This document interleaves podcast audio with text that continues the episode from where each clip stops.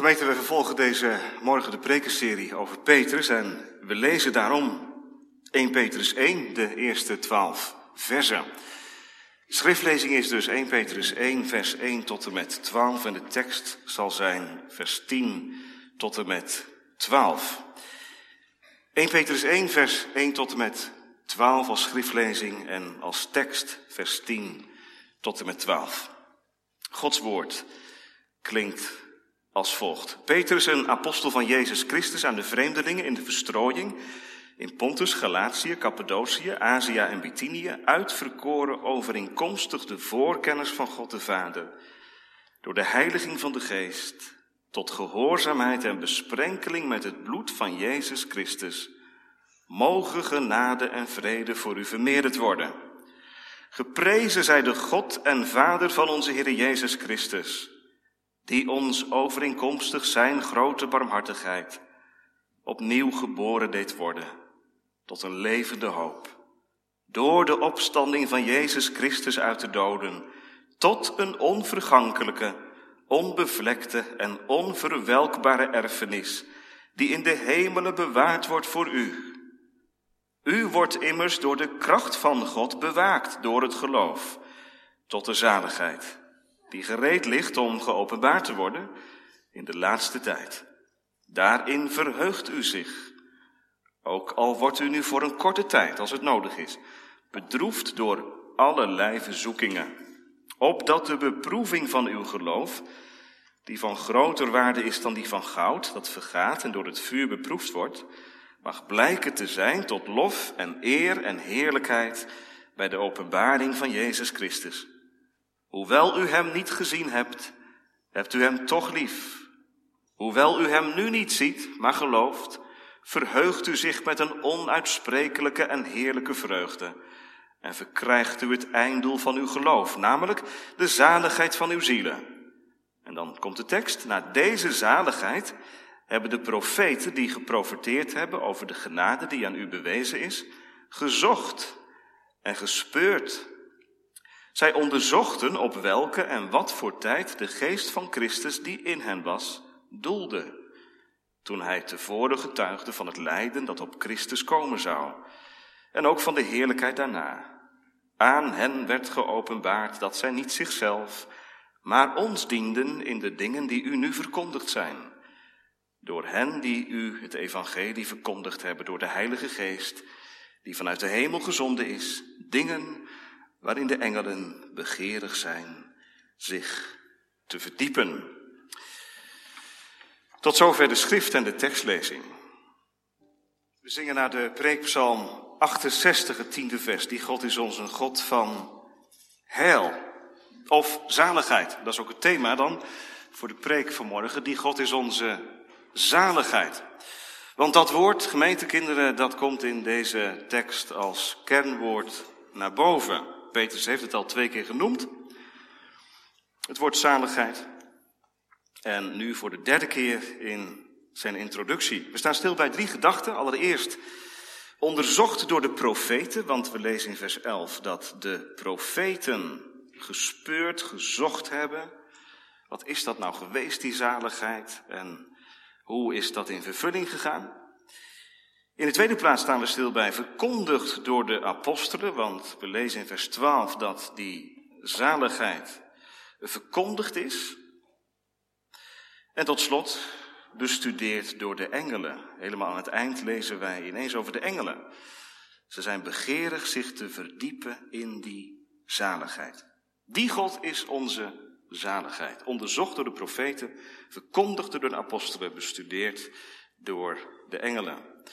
Allereerst dus onderzocht door de profeten. Doopouders, wat is het heerlijkste wat je je kind zou kunnen geven? Als je dat nou zou moeten zeggen. Wat is het allerbelangrijkste wat je je kind zou kunnen meegeven? En kinderen, wat zou het mooiste zijn wat jullie ouders je zouden kunnen geven? Als je daar antwoord op zou moeten geven vanmorgen. Nou, daar zul je best iets op kunnen verzinnen, denk ik, hè? Iets wat je heel lang wilt hebben. Als je ouders dat zouden geven, dan zou je blij zijn. En ouders, wat willen wij onze kinderen meegeven? Nou ja, in ieder geval iets waardoor ze zich uh, gelukkig uh, weten. Vanmorgen gaat het over het woordje zaligheid.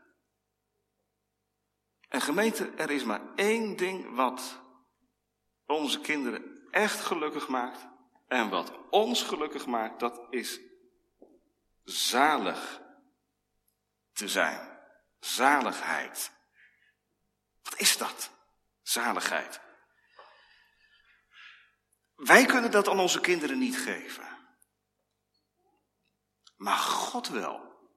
En Hij wil het ook. En daarom riep ik jullie op om te kijken. Want God gebruikt niet alleen onze oren, maar ook onze ogen vanwege de zwakheid van ons geloof, om ons te overtuigen van Zijn barmhartigheid, van Zijn welwillendheid. Hij wil het geven, de zaligheid. In het doopformulier, doopouders, komt dat woordje zaligheid twee keer voor. Jullie hebben antwoord gegeven op de vraag of je de volkomen leer van de zaligheid onderschrijft, beleidt. En helemaal aan het begin van het doopformulier stond een, een regeltje eh, dat wij opgeroepen worden door de doop om onze zaligheid buiten onszelf te zoeken. Dus blijkbaar, zaligheid heeft iets te maken met uh, de inhoud, met de leer, met onderwijs. En te maken met een persoon. En vandaar het thema ook, die God is onze zaligheid. Denk alstublieft niet gemeente dat de zaligheid een pakketje regels is. Wat door de dominee of wat door ouders wordt meegegeven. Zaligheid betreft een wezenlijke verandering, van dood levend gemaakt. Paulus of Petrus schrijft erover in vers 3. Opnieuw geboren geworden door een, tot een levende hoop. Dat is zaligheid. Dat je gered wordt. Dat je veranderd wordt. Dat je van verlorene gevondene wordt. Dat is zaligheid. Nou, Petrus schrijft erover aan die berooide christenen, die verstrooid zijn, die vreemdelingen. En dan lijkt het erop alsof hij in die laatste versen, van 10 tot met 12, een, een zijspoortje ingaat. De kern is geweest en nu vers 10 tot 12, lastig ook. Lastige tekst, lange zinnen.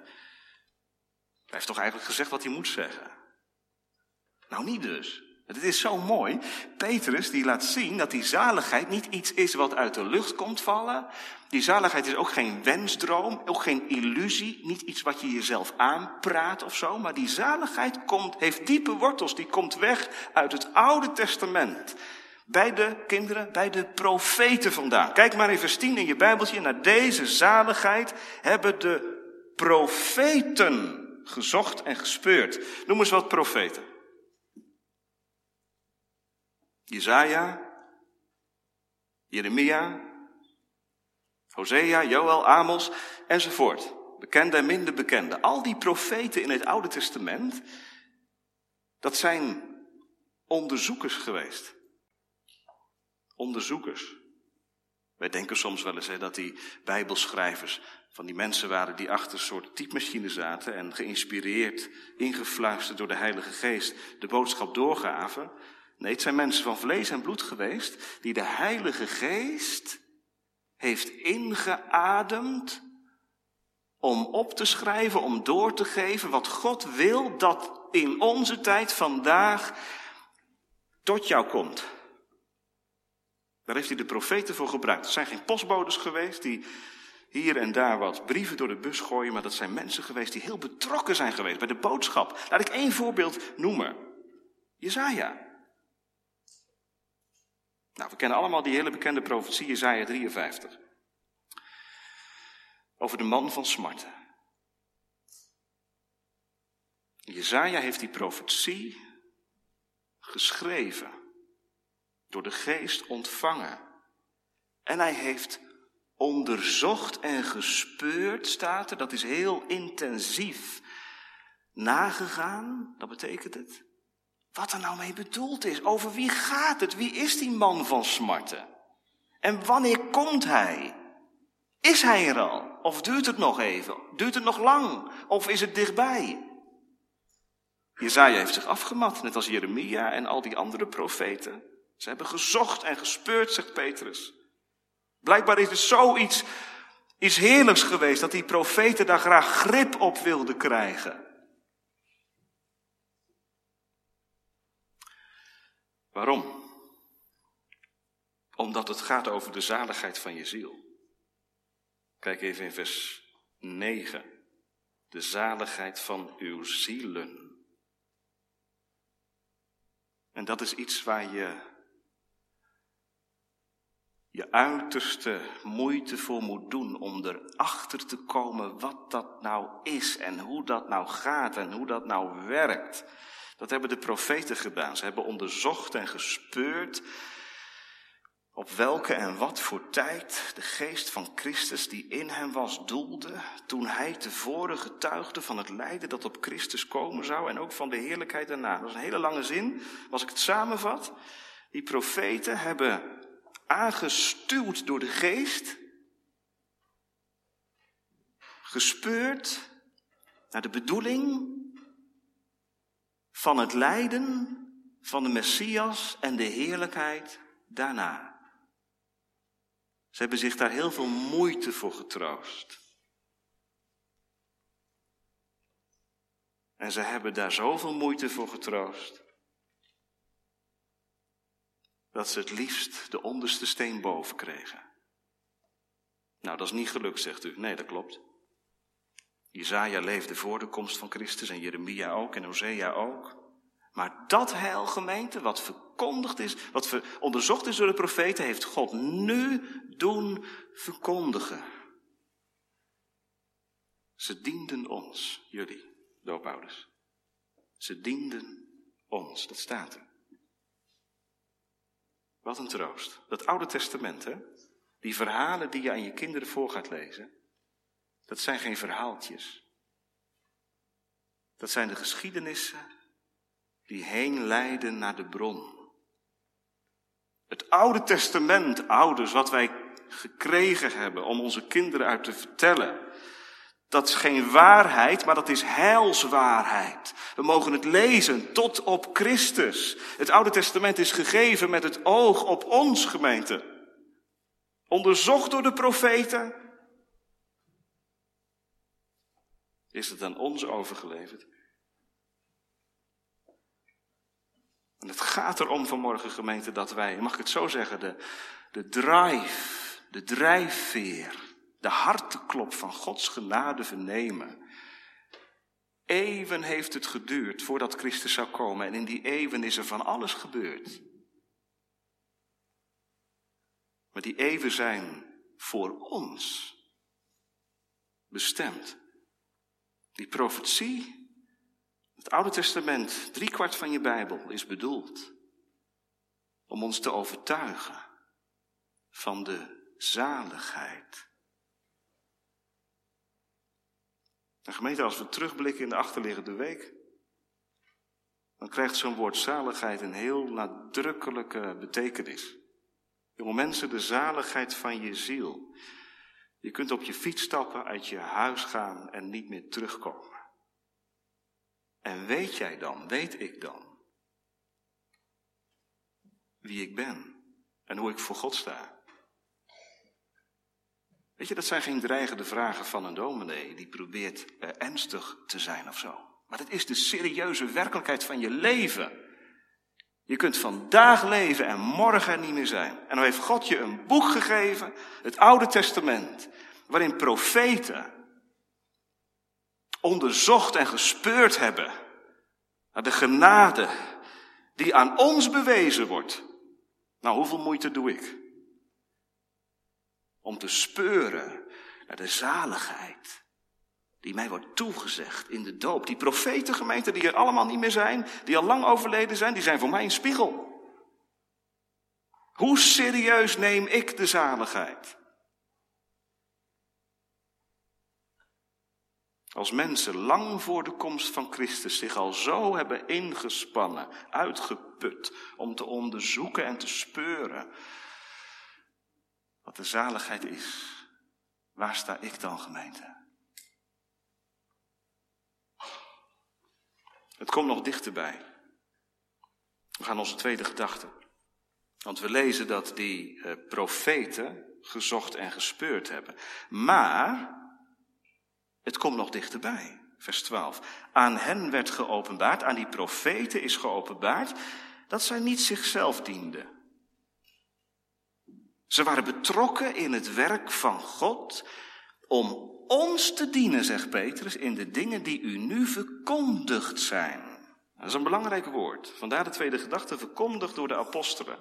Hoe maakt God zijn boodschap bekend?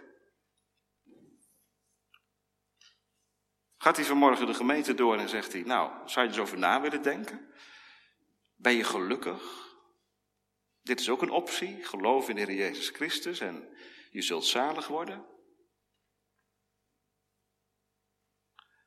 Is de zaligheid iets wat um, voorgesteld wordt, wat beschreven wordt,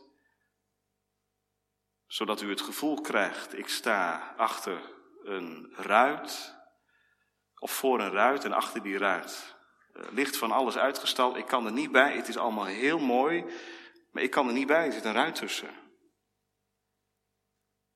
Let eens op dat woordje verkondigen. Daar zit aandrang achter, hè? Doopouders, jullie kind krijgt van Gods wegen geen optie mee. Als het eh, ouder geworden is en eh, goed kan nadenken, kan het uh, overwegen om, om christen te worden. Dat is een optie.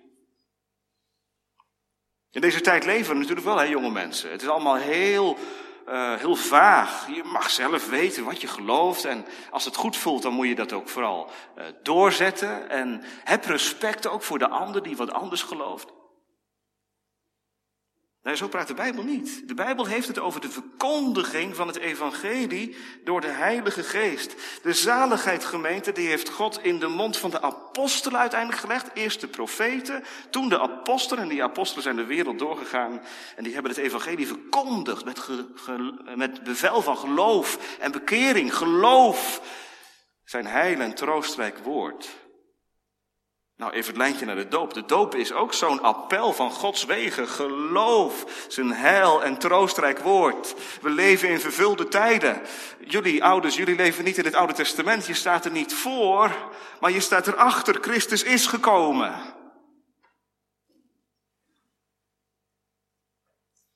Ja, maar zegt iemand, dat moet wel toegepast worden. Het kan wel verkondigd worden, maar als de Heilige Geest het niet toepast, nee, dat is zo. Je kunt in de kerk zitten en je kunt preken horen. Je kunt preken over Christus horen, ernstige preken, ruime preken, gunnende preken en er toch buiten blijven. Want zolang wij niet aan Christus verbonden zijn, blijft alles wat Hij gedaan is van nul en geen waarde voor ons.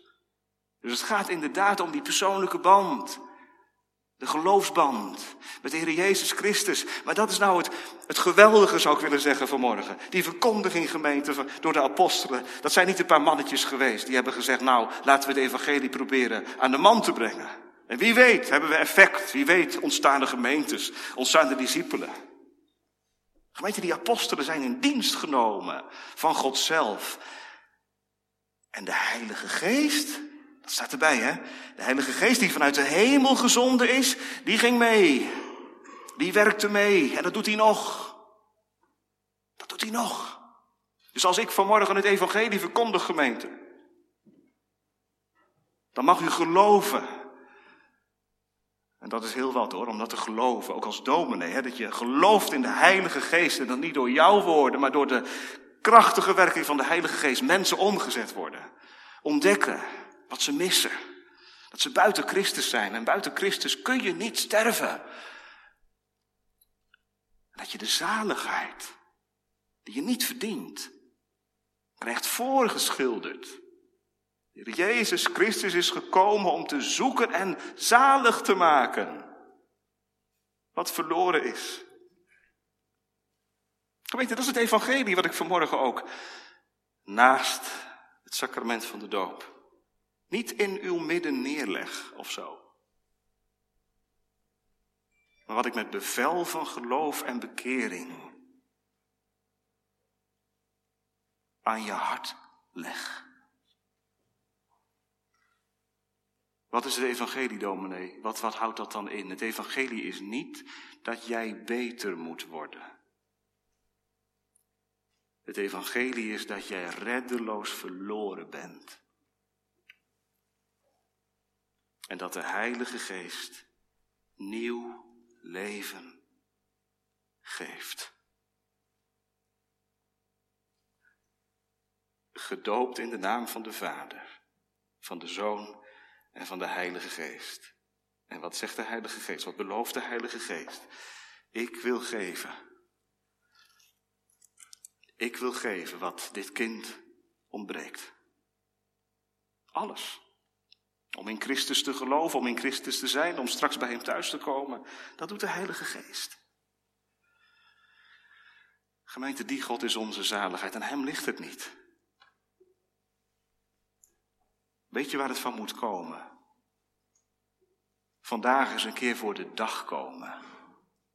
Met wat je hebt en niet hebt. Eerlijk worden. Net zoals Zacchaeus. Kijk even naar de kinderen. Want als ik denk aan het woordje zaligheid, denk ik meteen aan Zacchaeus. Weet je waarom?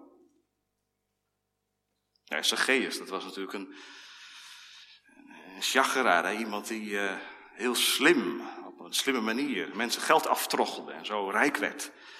Hij leefde eigenlijk een dubbel leven. Maar was helemaal niet eerlijk. Totdat de Heer Jezus langskwam. Hij wilde Jezus wel eens zien. En dan zegt Jezus tegen Zacchaeus, jij hebt geen behoefte aan mij? Maar ik heb wel behoefte aan jou. Ik ben gekomen om jou zalig te maken. Kom uit die boom, man. Ik moet in jouw huis zijn. En weet je wat er aan het eind van die geschiedenis staat?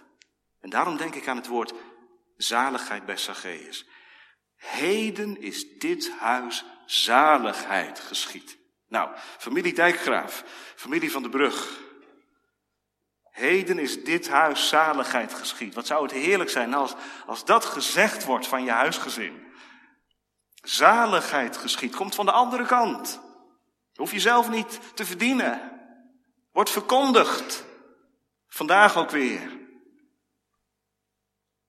Deze Christus, die door de profeten is uitgetekend als de leidende Messias, die de weg naar de heerlijkheid zou gaan, deze zaligmaker, wijs ik jou aan. En deze zaligmaker wijst Petrus ook aan. Dat is bemoedigend geweest voor die christenen, denkt u niet? Die christenen die daarin, in die vijf gebieden in Klein-Azië verstrooid waren, uit elkaar geslagen en het geloof met lijden moesten bekopen. Petrus zegt tegen hen, ja, je bent van Christus. En het lijden dat op Christus komen zou, dat was maar de eerste fase. Daarna kwam de heerlijkheid.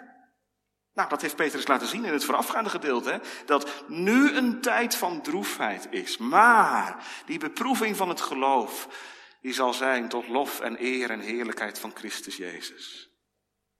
De zaligheid. Henk en Helene. En Danny en Ali, de zaligheid. Dat hebben wij nodig. En dat wil hij geven. En dan zegt Petrus aan het eind nog iets heel opmerkelijks. Het gaat ineens over engelen. Dingen waarin de engelen begeerig zijn zich te verdiepen. Ik heb het nooit begrepen, die woorden, u misschien ook niet. Maar nu wel. Bestudeerd door de engelen. Waarom, waarom noemt Petrus de engelen? voor je gevoel komen ze uit de lucht vallen. Waar komen ze vandaan? Die engelen. Nou, wat zijn engelen? Kinderen, wat zijn engelen? Engelen kun je niet zien. De Bijbel spreekt er veel meer over dan wij erover denken. Denk je wel eens aan de engelen? Denk niet veel, hè? Dat heeft ook te maken met onze met ons verlichte wereldbeeld. Wij, uh, wij kunnen ons daar geen voorstelling van maken van engelen. De Bijbel heeft het over engelen. Ik neem jullie even mee naar het Oude Testament. Ik heb er heel lang geleden een keer over gepreekt, over de ark. En op die ark staan twee engelen, weet je nog? Die engelen die staan met hun vleugels zo naar beneden. En met hun gezichten naar het verzoendeksel toe. Alsof ze in de ark willen kijken. Alsof ze het geheim van de verzoening willen doorgronden. Waarschijnlijk komt die uitdrukking van Petrus daar vandaan. De engelen zijn begeerig zich te verdiepen in de zaligheid. Ze verlangen ernaar om dat wat God in Christus voor zondaren bereid heeft, om dat te doorgronden. Wat zijn ze betrokken op de zaligheid van zondaren, de engelen? Waarom? Misschien beschuldigt u zichzelf wel eens van dat u niet zo betrokken bent op de dingen van God en zijn koninkrijk. Hoe komt dat? Je bent een zondaar. Je bent een zondaar. Dat kun je van de engelen niet zeggen. Engelen zijn geen zondaren. Engelen zijn volmaakte wezens. Ze zijn gedienstige geesten. Ze zijn uitgezonden om God te dienen en te verheerlijken. Ze zijn volmaakt. Deze engelen, die verdiepen zich in het heil. Omdat ze God lief hebben. Bijzonder hè? Maar ze komen er niet achter hoe het nou werkt. Ze begrijpen niet hoe het gaat. Weet je, die engelen hebben wel verkondigd in de velden van Everta. Heden is geboren, Jezus de zaligmaker. Maar ze, ze beseffen niet wat het inhoudt, zalig maken. We lezen in de Bijbel dat de engel Jezus versterkte in de hof van Gethsemane. Maar de engel besefte niet waarom hij dat deed. Wat het nut en wat het doel was.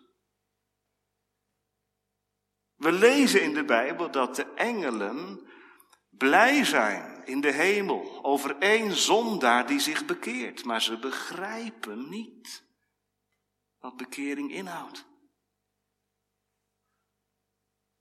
Want ze zijn volmaakt.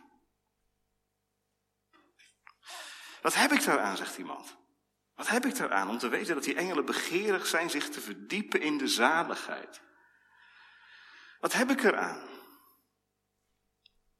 Hebt u wel eens eraan gedacht, gemeente, dat wij, ja, we zijn natuurlijk met niet veel mensen vanmorgen in de kerk. We missen heel wat mensen. Maar weet u dat er veel meer engelen in de kerk zijn dan mensen?